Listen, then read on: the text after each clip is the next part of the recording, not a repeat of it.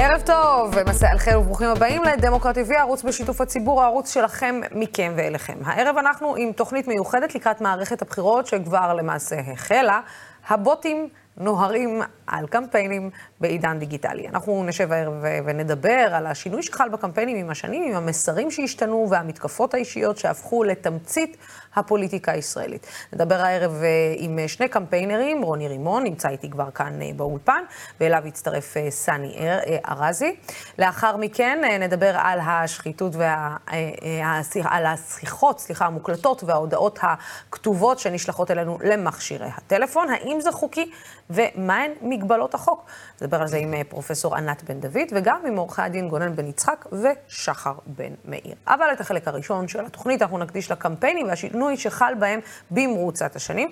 אני רוצה להגיד ערב טוב שוב לרוני רימון, יועץ אסטרטגי ופוליטי. חשוב לומר שעבדת לאחרונה, נכון, אה, בפריימריז של הליכוד ושל הציונות הדתית. נכון.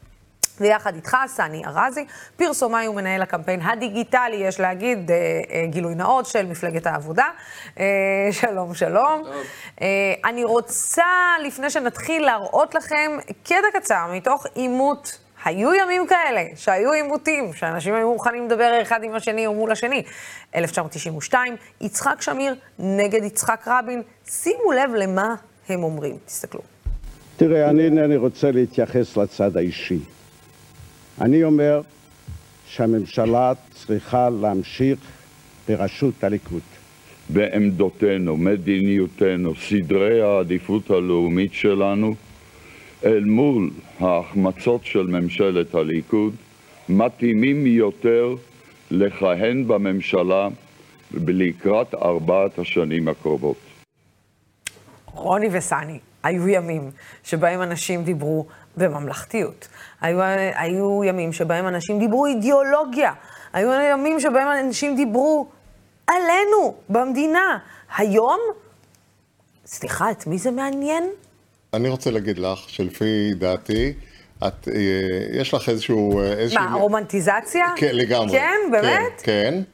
אני רוצה להזכיר לך שבתחילת שנות ה-80, אה, שמעון פרס ערך חשיפת בחירות, אז עוד עשו אספות בחירות כי לא הייתה דרך אחרת להגיע לאנשים, בבית שמש, וזרקו עליו עגבניות.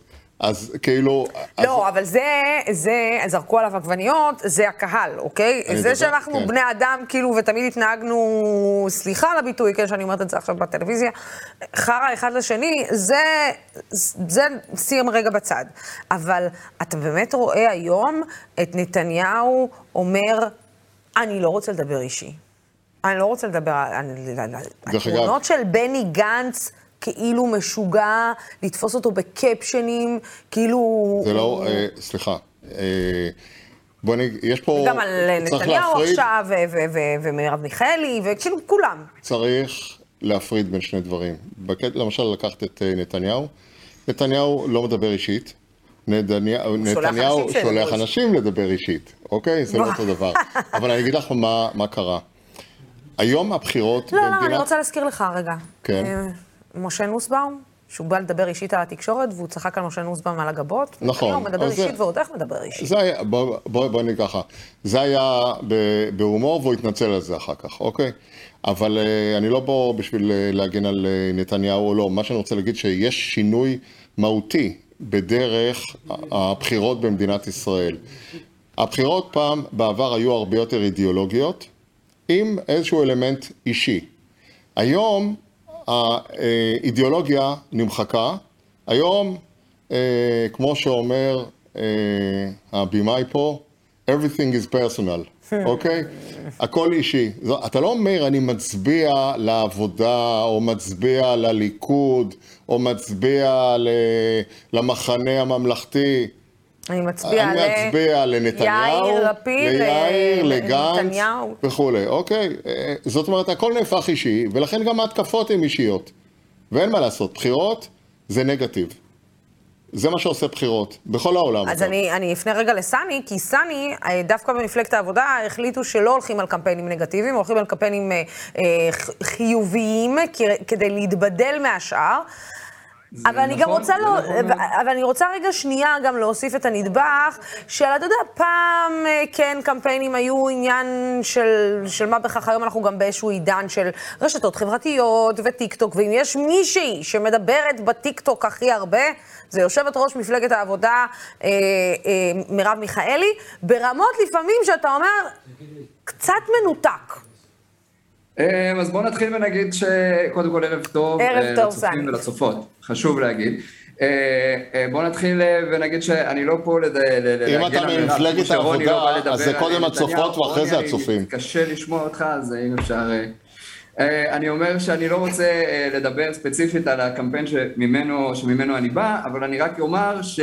גם בני גנץ עושה המון טיק טוק, עוד הרבה אנשים עושים טיק טוק, יש נטייה כאשר זאת מועמדת להתייחס אליה קצת לא, לא, גם נתניהו, גם נתניהו, הוא מת על הטיק טוק, גם נתניהו עושה המון טיק טוק. פשוט אני לא רוצה... אנחנו חיים, חברות וחברים, בשנת 2022, ובשנת 2022 אנחנו עושים חדשות עכשיו, משדר חדשות באינטרנט, ופוליטיקאים הם נמצאים בטיקטוק, והקהל נמצא באינסטגרם ובטיקטוק, והצריכה של התקשורת היא שונה, ולכן זה לא דבר שלילי כאשר אה, מועמדים פונים לציבור ברשתות חברתיות, זה דבר חיובי ושיעשו אה, הרבה מזה. עם זאת, יש לציין, כמו שאמרתם אה, מקודם, אכן התקשורת בעיקר, אם אתם שואלים אותי מי גורם לזה, הופך את הפוליטיקה להרבה יותר פרסונלית, הרבה פחות אידיאולוגית, אנחנו עוסקים הרבה פחות.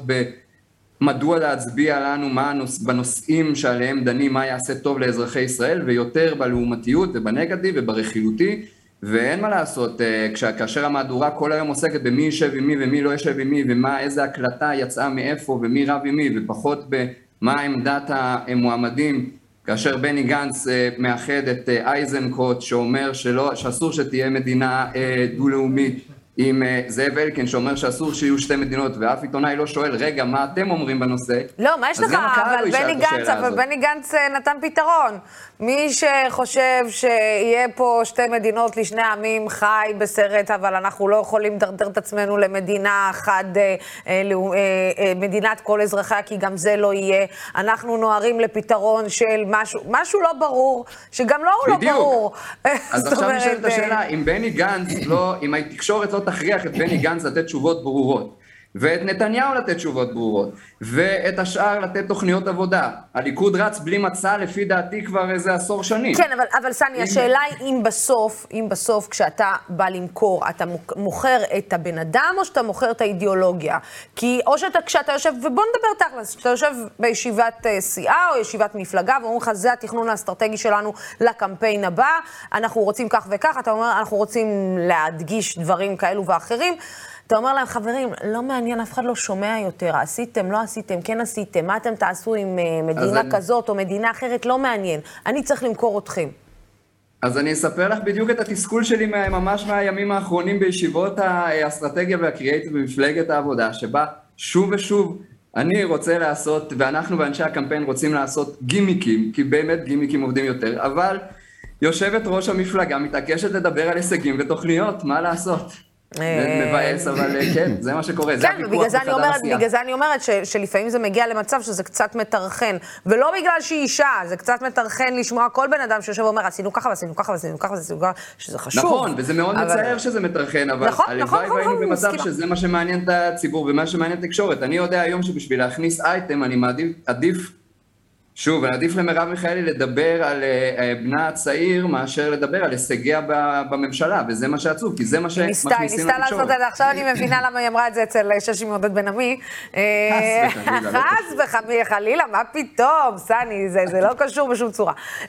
רוני, אני כן רוצה, רוני, שבהמשך ישיר לדבר הזה, אותם דברים קרו גם עם, uh, עכשיו עם uh, סמוטריץ'. זאת אומרת, יצא וידאו שלו רוקד בתוך, uh, רוקד בטרפת בתוך איזושהי חתונה, ואמרו, איך יכול בן אדם כזה להוביל מפלגה, ואז זה התחיל להיות מאוד מאוד פרסונלי. והשאלה היא, האם... חשבתי שאת רוצה עכשיו להשוות את זה לריקוד של מישהי אחרת בחתונה לא, אחרת. אני... אז- עזבו, אני תכף אשאל אתכם אם בכלל אה, אה, נציגי ציבור צריכים לרקוד בטרפת בכל מיני מסיבות, שזה משהו אחר לכתוב. או, אתה יודע, להזכיר. לכם את הקמפיין של, אה, של מרץ לפני כמה שנים שהם רקדו במסיבת טרפת וזה היה נראה... רע מאוד. לא טוב. אה, אני חושבת שזה היה ב-2015, אם אני לא טועה. לפני איזה עשר מערכות בחירות, כן, כן, אה, ב-2015. מתישהו. כן. אז באמת, אה, כשהולכים ברמה הזאת, דווקא במפלגה, כמו הציונות הדתית, שהאידיאולוגיה שם אמורה להיות שורש העניין. זאת אומרת, זה הסיפור של הציונות הדתית ומפלגות כמו, אה, כמו המפלגה של בן גביר. זה הסיפור, על זה, זה הטיקט. זאת אומרת, אנחנו אידיאולוגיה זה, נכון. זה, זה, זה הדבר שלנו.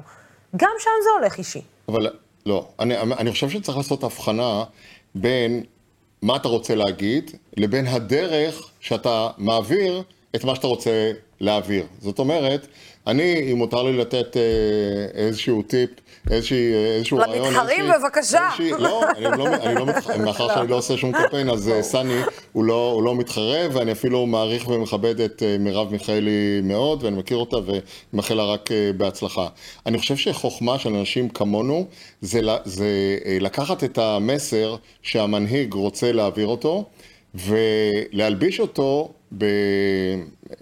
בצורה, באופן שמתאים לצריכת הטיק טוק והפייסבוק ו- ו- וכדומה, אוקיי? זאת אומרת, אתה כן יכול לקחת לפי דעתי מסר רציני ולהתחיל אותו באיזשהו, אה, באיזשהו גימיק כדי להסב את תשומת ליבו ולמשוך את תשומת הלב של האנשים ואז להעביר את הדבר עצמו. אפשר לעשות כמו את למשל הדברים אה, האלה. נתניהו שעושה אנה זק ומפרסם את מספר הטלפון שלו. תראי, אה, נכון, אם כי אני מוכרח להגיד בקטע הזה שאני חושב שזה לא היה מוצלח באופן מיוחד. אה, כי מה שהתגלה שם זה שבחייאת, אנשים, זה, זה מוקלט הרי, כן? תקליטו אותו פעם אחת אומר את מספר הטלפון רצוף, ולא קורא אותו מדף נייר ועוד אה, נזכר בספרה האחרונה שמונה, ותוסיפו שמונה. לא, אבל אתה יודע למה זה תוסיפו שמונה, כי זה, המספר, זה, זה מהקמפיין של, זה מהשיר של אנה זק. אוקיי. 052, 537, תוסיף גם שמונה, משהו כזה. היא אומרת בסוף, תוסיף גם שמונה, אז הוא עושה, עשה... עשה אדפטציה. כן, אוקיי. reference ל... ל- כן, ואחרי זה, ואני אגיד, ואחרי זה יש, אה, ראיתי תשדיר של ישראל ביתנו, של ליב, ליברמן, שלוקח take off על הדבר הזה ו, וצוחק עליו. אני אגיד לך, באיזשהו קטע מסוים, אני חושב שזה איזשהו משחק של קמפיינרים שמתחרים אחד עם השני, מי יהיה יותר מגניב. וכמובן הוא מגייס את הלקוח שלו לטובת הדבר הזה. להערכתי, בסוף היום, זה לא מזיז כל אחד מצד ימין לצד שמאל, ולא מצד שמאל לצד ימין. זאת השאלה, זאת השאלה. האם... אתה רוצה להעביר משהו מהותי? אז אני אומר, אל תנאם כמו יצחק שמיר ב-1985, 7, 9, אוקיי?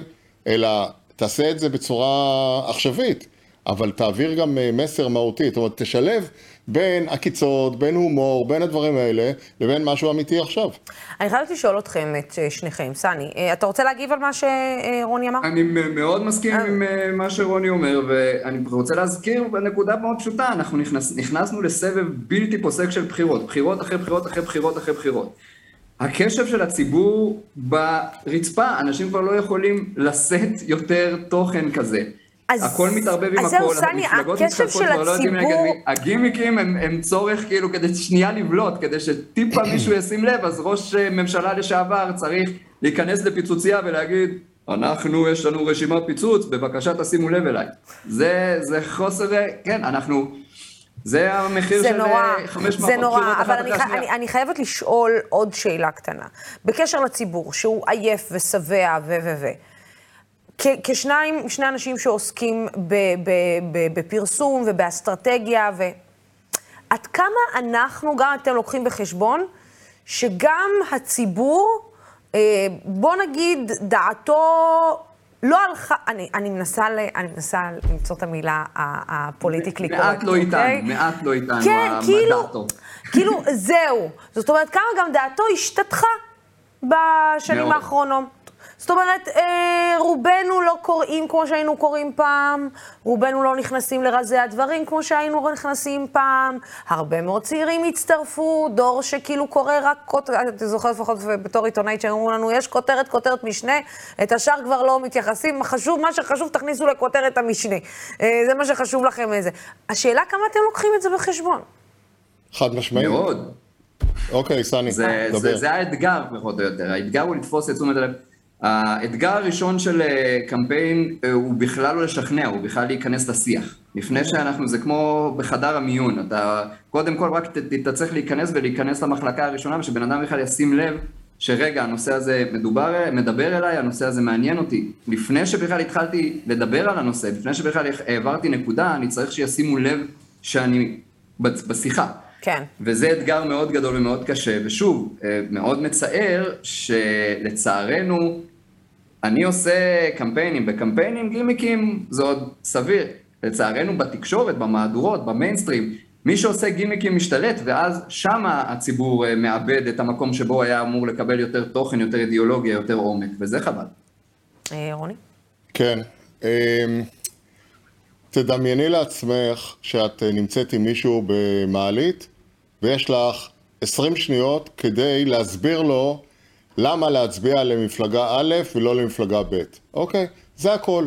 פה מתחיל ונגמר העניין. מה שאתה לא מסוגל להסביר ב-15-20 שניות למה להצביע, נניח במקרה הזה למרב אה, מיכאלי, חבל על הזמן אחר כך. זה מדהים, כי אתה אומר משהו ששמעתי שנתניהו, אני רוצה להגיד לכם שזה משהו ששמעתי, כן, נכון, במעלית, אבל אני רוצה להגיד לכם משהו... אני לא במעלית, אני במעלית עם עוד 15 איש שבמקביל צועקים. אבל אז כן. זהו, אבל אני רוצה להגיד לך שאתה אמרת משהו מדהים כרגע, כי זה משהו שמאוד מזכיר אה, אה, הרבה אנשים שעבדו עם נתניהו אה, ונכנסים לעשות לו מצגות, זה מה שפחות ששמעתי מאנשים שכשהם היו נכנסים לחדר והוא אמר להם, מה שאתם לא יכולים להעביר בשמונה מילים, אתם כנראה כבר לא יכולים להעביר בכל המצגת כולה. אז אני לא רוצה לראות את המצגת. זאת אומרת, זה שנתניהו בעצם מבין, הוא קמפיינר כל כך טוב, כי הוא בעצם הבין את המסר הזה אולי לפני, הרבה לפני כולם. אה, כמי שניהל את קמפיין הבחירות שלו ב-2009, אה, והציגו לו מצגות, אוקיי? הייתה לו סבלנות לשמוע, אוקיי? ואת יודעת, זה יפה להגיד את זה בתור אגדה, במציאות הוא... זה, אני לא יודעת, אני לפחות אני יודעת ממישהו ש... לפחות ב-2009 הייתה לו סבלנות כן, אבל נתניהו של 2000, אני אמרתי את זה כמחמאה, אני לא אמרתי את זה כמשהו שלילי. לא, לא, אבל באיזשהו מקום, תראי, באיזשהו מקום בסוף, בסוף אתה כן או לא, כשאתה אומר לעצמך, נניח שמישהו שואל אותך, למה אתה מצביע ל... אני יודע מה, מרץ, אוקיי? אם אתה לא מסוגל להגיד לו במשפט אחד, למה אתה... כן, זה one liner, זה כמו שאתה כותב סדרה, ואתה צריך שלסדרה יהיה one liner, זה בדיוק אותו דבר. וכל הקמפיין צריך להיות סביב דוגמאות מהסוג הזה. למה אני מצביע למרץ? למה אני מצביע לציונות הדתית, אוקיי? תגידי את זה במשפט. תגידי את זה במשפט. אם אתה לא יודע להגיד את זה במשפט, אתה לא תדע להסביר. אה, סני אה, מסכים, ואני מוסיפה לכם, לשניכם עוד שאלה לסיום. אה, בן גביר, תופעה שתחלוף, או שזה כבר יתקבע בחברה הישראלית? אפשר רק לקוות אה, שעוד יש אה, מקום לשינוי. ושוב, זה לא משה חושב... פייגלין, זה לא משה פייגלין בטוח. לא, זה לא משה פייגלין. אגב, בהמשך לשיחתנו, בן גביר, אפרופו אה, קמפיינרים, בן גביר הוא הרבה יותר קמפיינר מהרבה פוליטיקאים אחרים. כן. פרובוקטור מאוד גדול, יודע לייצר אה, את, ה, את, ה, את הגימיקים, את השפיצים האלה, את הדברים האלה, ולכן מקבל המון המון במה.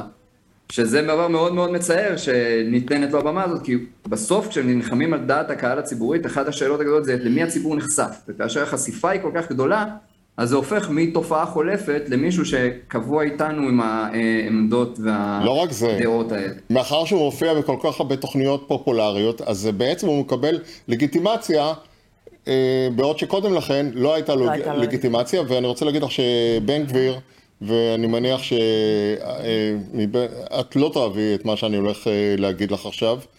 אה, גם אני לא אוהב את זה, אבל את יודעת, זה פוגעני באופן מיוחד כלפייך. בן גביר ניזון משנאת ערבים. שנאת ערבים, ברור. אוקיי? ברור. ואני חושב שיש אוכלוסייה, יש אוכלוסייה, אחוז מסוים מהאוכלוסייה, שלהערכתי הולך וגדל, של ערבים. ערבים. עכשיו, הוא בא ואומר, הוא החליף בטיקט הזה הוא החליף את ליברמן, אוקיי? ליברמן אמר, רק ליברמן יודע ערבית, אוקיי? קיבל קולות, אוקיי? עכשיו, את הקולות האלה מקבל בן גביר. אתה יודע, לא חשבתי על זה אפילו. זה כאילו פתאום אתה מזכיר לי, אתה מזכיר לי את הקמפיין הזה של אה, ליברמן, שנתן לו הרבה מאוד... אה, כן, כן, אין מה לעשות, יש אחוז מסוים באוכלוסייה. הליכוד הוא מפלגה, גם שהיא הולכת ימינה, היא עדיין לא אה, מחצינה עד כדי כך את אה, שנאת הערבים.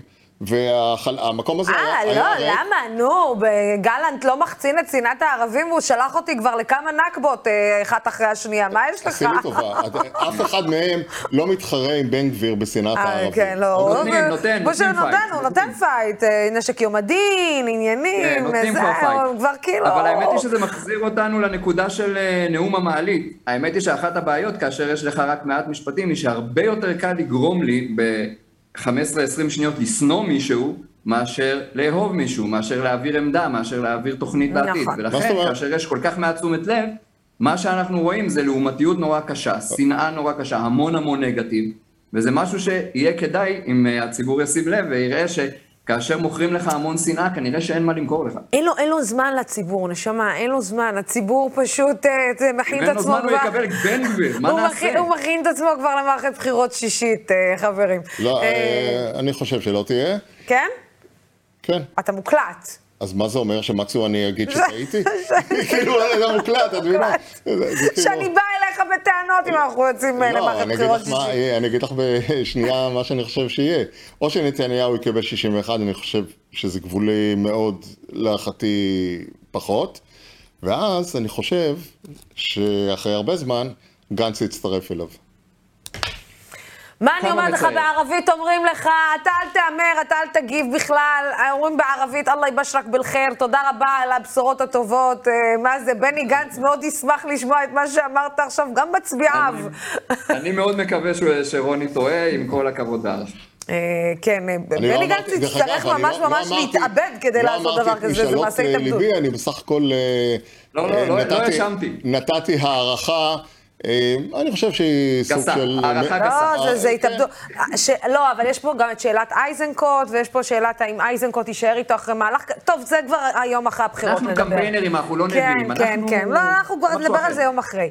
אה, אנחנו כמו סטוקרים, כל מה שאנחנו אומרים נכון ליום שאנחנו אומרים את זה. כן. בדיוק. רוני רימון סני... זה בעיה של אה, קמיל פוקס. כן, כן, כן, רגע, חכה, חכה. איתו אנחנו נדבר אחרי זה. רוני רימון, תודה רבה. תודה רבה. סני ארזי, תודה רבה. לשניכם. בימים האחרונים התחלנו להיזכר בתופעה שהציפה את חיינו בשנים האחרונות, בעקבות, בעקבות אה, ריבוי מערכות הבחירות, ההודעות והשיחות המוקלטות שאנחנו מקבלים ללא הפסקה מהמועמדים, סליחה, הפוליטיים. תופעה שרק הולכת וגוברת ככל שיום הבחירות מתקרב. מסתבר שהחוק, רק שתדעו, לא מאפשר לפנות בצורה כזאת אה, לציבור, אבל מסתבר שדווקא הפוליטיקאים מוחרגים מהחוק. הגיוני מאוד. מצד אה, שני, הפוליטיקאים כן כפופים לחוק שמגביל שימוש שלהם במאגרי מידע, וכדי להבין מה אפשר לעשות כדי לעצור את התופעות הלא נעימות האלה, אם בכלל אפשר לעצור את התופעות הלא נעימות האלה, אני רוצה אה, תכף אה, להגיד אה, אה, אה, ערב טוב אה, לשחר בן מאיר, שלום שלום שנמצא איתנו בזום, עורך הדין. ערב טוב. שלום, שלום, הנה, אני כבר רואה אותך מתכונן להתעצבן. יש לך, יש לך את ההכנה הזאת, שחר, כאילו אתה כל הזמן מת, מתכונן להתעצבן. אה, גונן בן יצחק כמובן שכבר אה, פה. וביחד, אה, אתה הגשת, אני חייבת להגיד, שאתה הגשת תלונה לרשות להגנת הפרטיות עם השיחות המוקלטות, נכון? יחד עם פרופסור. כן, זה שאיתמר בן גביר שלח, וזה הגיע גם להרבה מאוד קטינים וילדים. ו... ולצידכם גם יושבת אה, פרופסור אה, ענת אה, בן דוד, שמתמחה בתחום. עכשיו אני רוצה להתחיל. פרופסור, אני אתחיל איתה, תסלחו לי. כן, גברים, בכלל אפשר לעצור את הדבר הזה? כנראה שלא. אה, יופי, אז אפשר לקפל את הבסטה, חברים, בואו נסיים במשדר המיוחד. לא בישראל לפחות, כן. אולי במדינות אחרות, אולי באירופה, אולי במדינות שמכבדות יותר זכויות אה, אדם או זכויות, אה, או זכות לפרטיות של אזרחים, במיוחד בתקופת בחירות, יש להם הגנה יותר גבוהה אה, מפני פוליטיקאים או מפלגות. באמת, באירופה זה הרבה יותר, זאת אומרת, הרבה יותר... כן, בהחלט. חרדים לעניין הזה? בהחלט. באירופה יש אה, חוגי הגנת פרטיות אה, מתקדמים מאוד, שלא מאפשרים לאף אחת מהתופעות שאנחנו רואים כאן מסבב בחירות אחד ואחר. אה, דברים שבאמת באירופה לא יכולים לחלום עליהם אפילו שיכולים להתרחש. ואצלנו בישראל, דווקא בגלל שהחקיקה היא לא מעודכנת, הולכת הרבה מאוד שנים אחורה ולא מתאימה לעידן הדיגיטלי, קורות כאן תופעות בתחום הדיגיטל והפוליטיקה. שכמו ארגז חול, מנסים עלינו כל מיני דברים שהם אפשריים טכנולוגית. החוק לא באמת אה, אוסר אותם, הוא גם לא מתיר אותם, כי הוא פשוט לא עדכני. פתאום, אה, אני פתאום נזכרת שבגרמניה, אה, גם אתה לא יכול סתם להרים אפילו מצלמת טלפון ברחוב, בלצלם, ותמיד ישר יבוא מישהו, ישאל אותך למה אתה מצלם, ואיך אתה מצלם, צריך לבקש אישור. וגם אה, אם מישהו מבקש ממך למחוק סלפי, כי הוא מופיע מאחוריך, אז, אז צריך אה, למחוק אותו, זה, זה באמת, אני פתאום נזכרת בזה. אבל את יודעת, אני, בסוף, אם, אני, אם אין עדכון, אז כמו באפליקציה של אלקטור, כולם יודעים איפה אני גרה, איפה אני מצביעה, ככל הנראה גם לבדוק למי הצבעתי, לפי, ה, לפי השכונה. ובסוף אין לי מה לעשות כנגד זה. נכון, במקרה של אלקטור באמת אה, נותרנו חסרי אונים. העתירה של אה, שחר לבג"ץ אה, בנושא אלקטור התמקדה בעיקר בנושא דליפת המידע והחוקיות של שימוש באפליקציה כזאת, אבל למעשה התעלמה מההיבט החברתי של מה שהאפליקציה הזאת עושה, שהיא בעצם מערך של ריגול חברתי. נכון. שמאפשר לך לדעת אם אני הצבעתי או לא, בלי שאני אדע מזה אפילו, ובעצם לפקח עליי. זו תופעה חברתית שבעיניי פסולה, שהופכת להיות הנורמה של ההשתתפות הפוליטית אצלנו בישראל. תכף אני, תכף אני איתך, תכף אני איתך. אה, שחר, אה, באמת, בוא רגע נדבר שנייה, אני רוצה להחזיר אותך רגע לאלקטור. אה, איך זה יכול להיות שהדבר הזה נשאר פרוץ? אני זוכרת שכשקלטתי, אני גיליתי את זה באחת ממערכות הבחירות, אני כבר לא זוכרת איזה, תסלח לי, אבל כשגיליתי את כל האינפורמציה שפשוט פרוצה ונמצאת, אמרתי, רגע, שנייה, אני לא רוצה שאנשים ידעו איפה אני גרה, אה, באיזה דירה, אה, מתי, למה ואיך, בטח לא בעידן, אה, ואני לא חברת ליכוד, כן, בשום צורה שהיא, ובטח לא בעידן כזה אלים, אוקיי? בואו נתחיל מה... עזוב פרטיות, הגנה.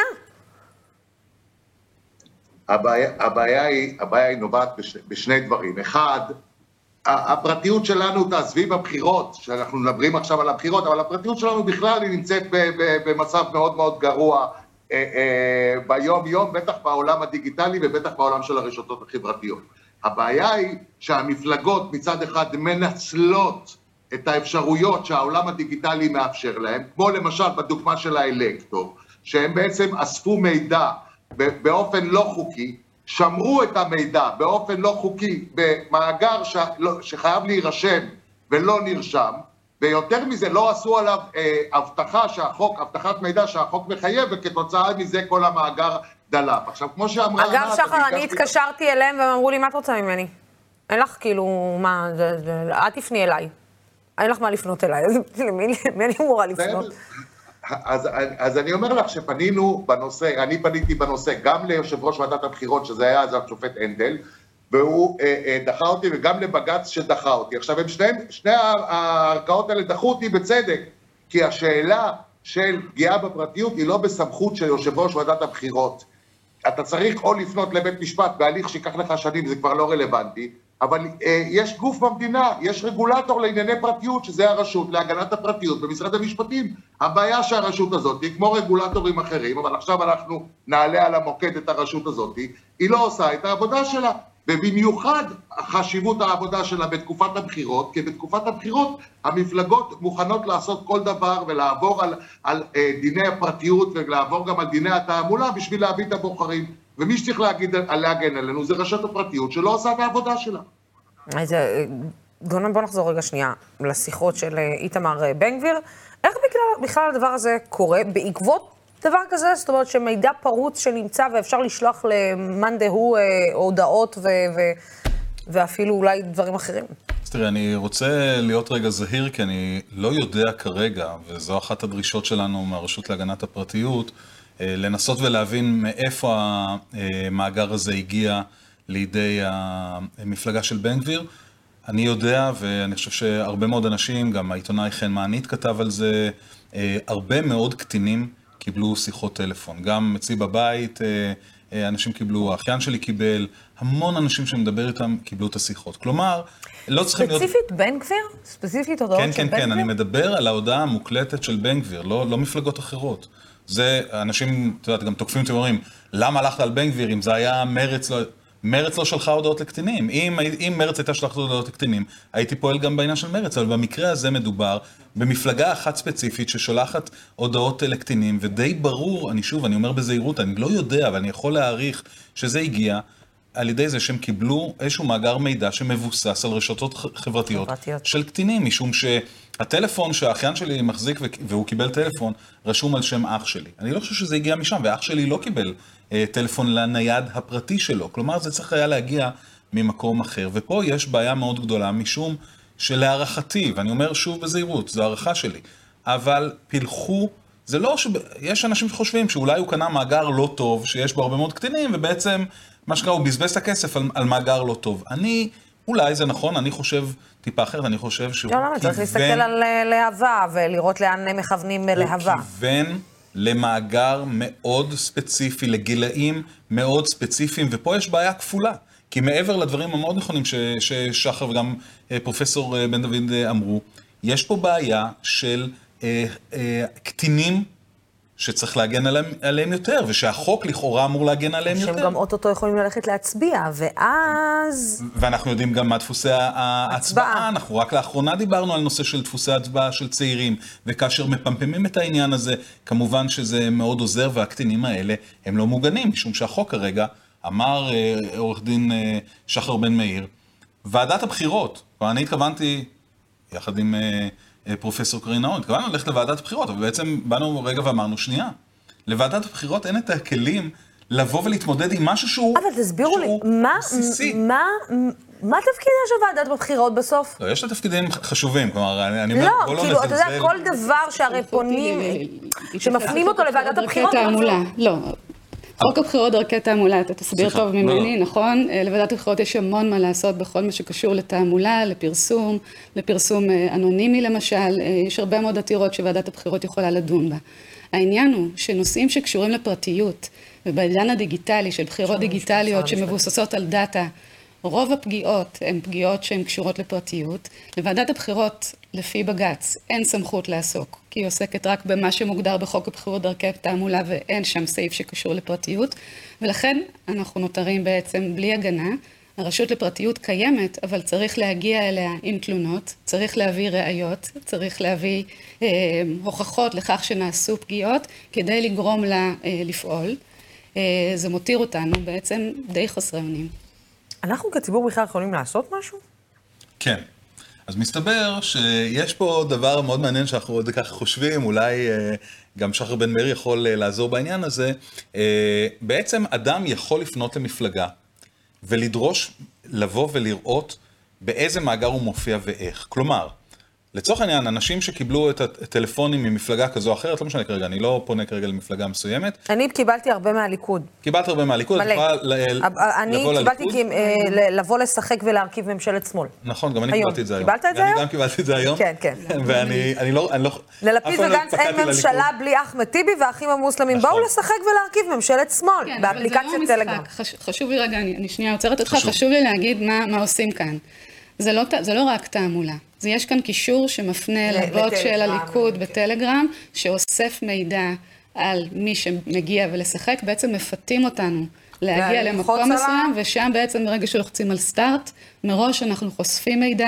על עצמנו, ומשם פעולת איסוף המידע ממשיכה, והפגיעה בפרטיות אה, מתחילה בדיוק ברגע הזה. כן, זה גם ברגע שאתה רואה גו, נתניהו, אור זה, אז אתה בכלל חושב שאתה הולך לשחק עם נתניהו. כן, בטח, בטלפון החדש שלו, שהוא לא יודע את המספר שלו. כן, ברור. אז בקיצור, רק התחלתי לומר שאזרחים יכולים לפנות למפלגה שהם קיבלו אה, פנייה ממנה, ולדרוש, ועל פי חוק המפלגה חייבת אה, להציג מהו מאגר מידע אה, שבהם הם רשומים ואיך הם רשומים במאגר המידע, ויכול להיות שהגיע הזמן שאנחנו כאזרחים, כולנו, צופות והצופים אה, בתוכנית הזו וכל מי שבחוץ, להתחיל לקחת את מה שנקרא, את האחריות הזו ואת הזכות הזו שיש לנו כאזרחים, לפנות למפלגות ולהגיד, אוקיי, בואו, אתם שלחתם לנו מיליון הודעות, הודעות אס.אם.אס, עכשיו מיליון אנשים יבואו וידרשו אה, לראות, ואני רוצה לראות איך נניח המפלגה של אה, בן גביר תתמודד עם זה שעל פי חוק היא צריכה לשבת עם האנשים האלה ולהראות להם איפה הם רשומים במאגר ואיך. אז אני יכולה לא- רוצה שנייה רק לקלקל את החגיגה. עכשיו ולשאול אותם באיזה מאגר אני נמצאת?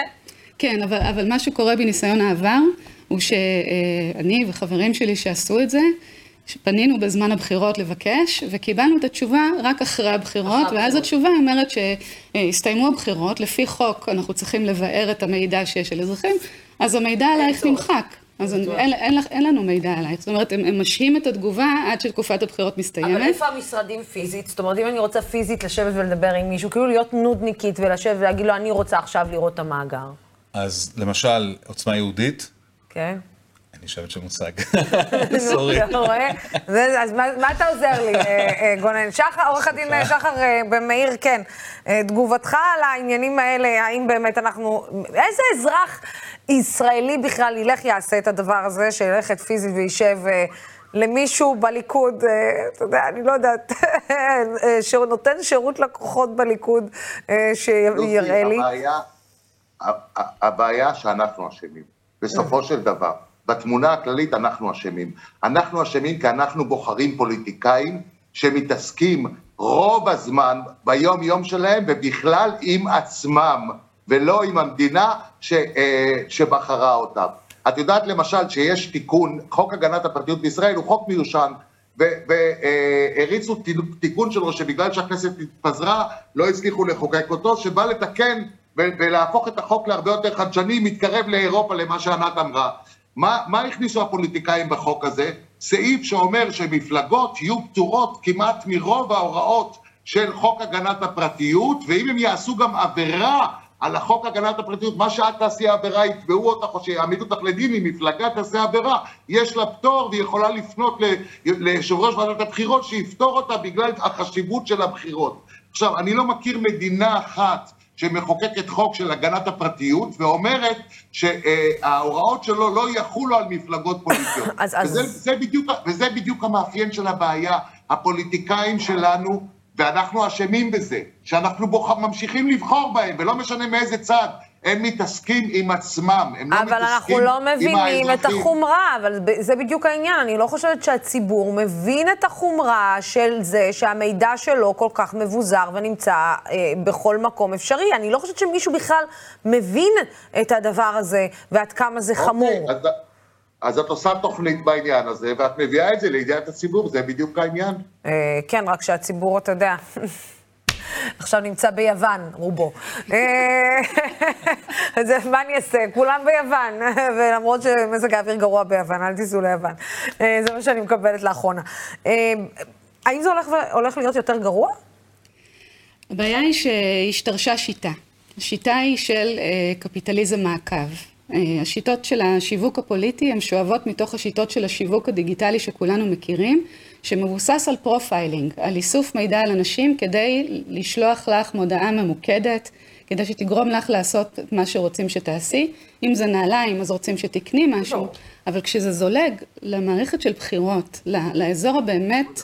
אה, בוא נגיד, להרס הדמוקרטיה, שבה אנחנו בוחרים בצורה חופשית ושווה, באמת מתוך אה, סוכנות אזרחית של הרצון שלנו לבחור, ומפעילים עלינו את כל המניפולציות האלה באופן ממוקד אישית ולא ציבורי, בלי פיקוח, בלי מעקב, בלי בקרה חברתית אה, מסודרת.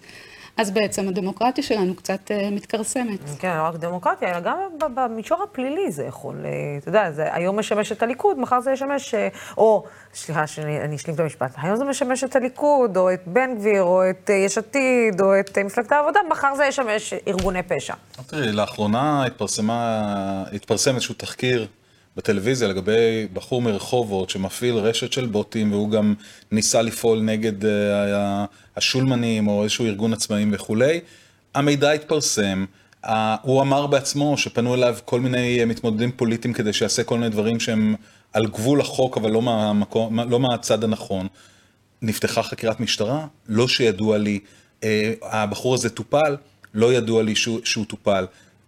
אנחנו מדברים פה על מצב שבו פעם אחת יש לנו בעיה עם, עם החוק, פעם שנייה יש לנו בעיה עם המחוקקים, יש לנו בעיה גם עם תחום האכיפה, משום שהמערכת באמת רקובה, המערכת רקובה, או לא יודעת להתמודד עם זה, או שזה חדשני לה מדי, והיא עוד לא הצליחה לעכל את הדברים. אז פה ושם, אז יש מחלקת סייבר בלהב 433, הם עושים פה ושם דברים, אבל זה באמת בקטנה.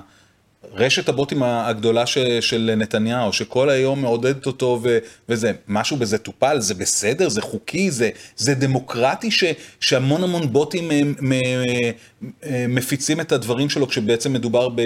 בחוות בוטים ש, שלא יושבת פה כנראה, ושהשרתים שלה בהודו או, או בכל מקום אחר, זה דמוקרטי וזה בסדר? אני לא חושב, אנחנו בכלל לא מגיעים למקומות האלה, כי אנחנו נמצאים באיזה שלב כל כך אה, התחלתי, שלשם, ובאמת, שמי, נתניהו כדוגמה, אבל הוא לא היחיד, אנחנו רואים עכשיו גם אה, בן גביר ואולי גם אחרים, אולי גם מפלגות אחרות, אני לא יודע. אה, הם מנצלים את זה עד תום, כלומר, החוסר היכולת וחוסר המשילות בא לידי ביטוי שם. אתה יודע, אתם צועקים, הבדואים, הבדואים. מה הבדואים? סליחה, אתם אוכלים את הדמוקרטיה, אתם הורסים את הדמוקרטיה, מה עם זה? זה לא משילות. מה, לא שמעת על מהרגה שאנטי מאביביסט בהודו? ברור, אני רואה אותו כל יום שישי, אה, עושה לייק לנתניהו, שהוא אומר שבת שלום. עורך הדין שחר בן מאיר, עורך הדין גונן בן יצחק, פרופסור ענת בן דוד, תודה רבה לשלושתכם, תודה רבה לצופים ולשותפים של אה, דמוקרט TV, התוכנית והערוץ הזה אפשרי רק בזכותכם ובזכותכם. בימים כמו אלו הולכת ומתחדדת החשיבות של ערוץ תקשורת שלא מפחד להביע עמדה נחרצת בעד הדמוקרטיה ובעד שלטון החוק, ערוץ תקשורת כזה שאין לו חוות בוטים, בעד המאבק בשחיתות ובעד מגוון של דעות. עד יום ראשון אנחנו נתראה, סלמת.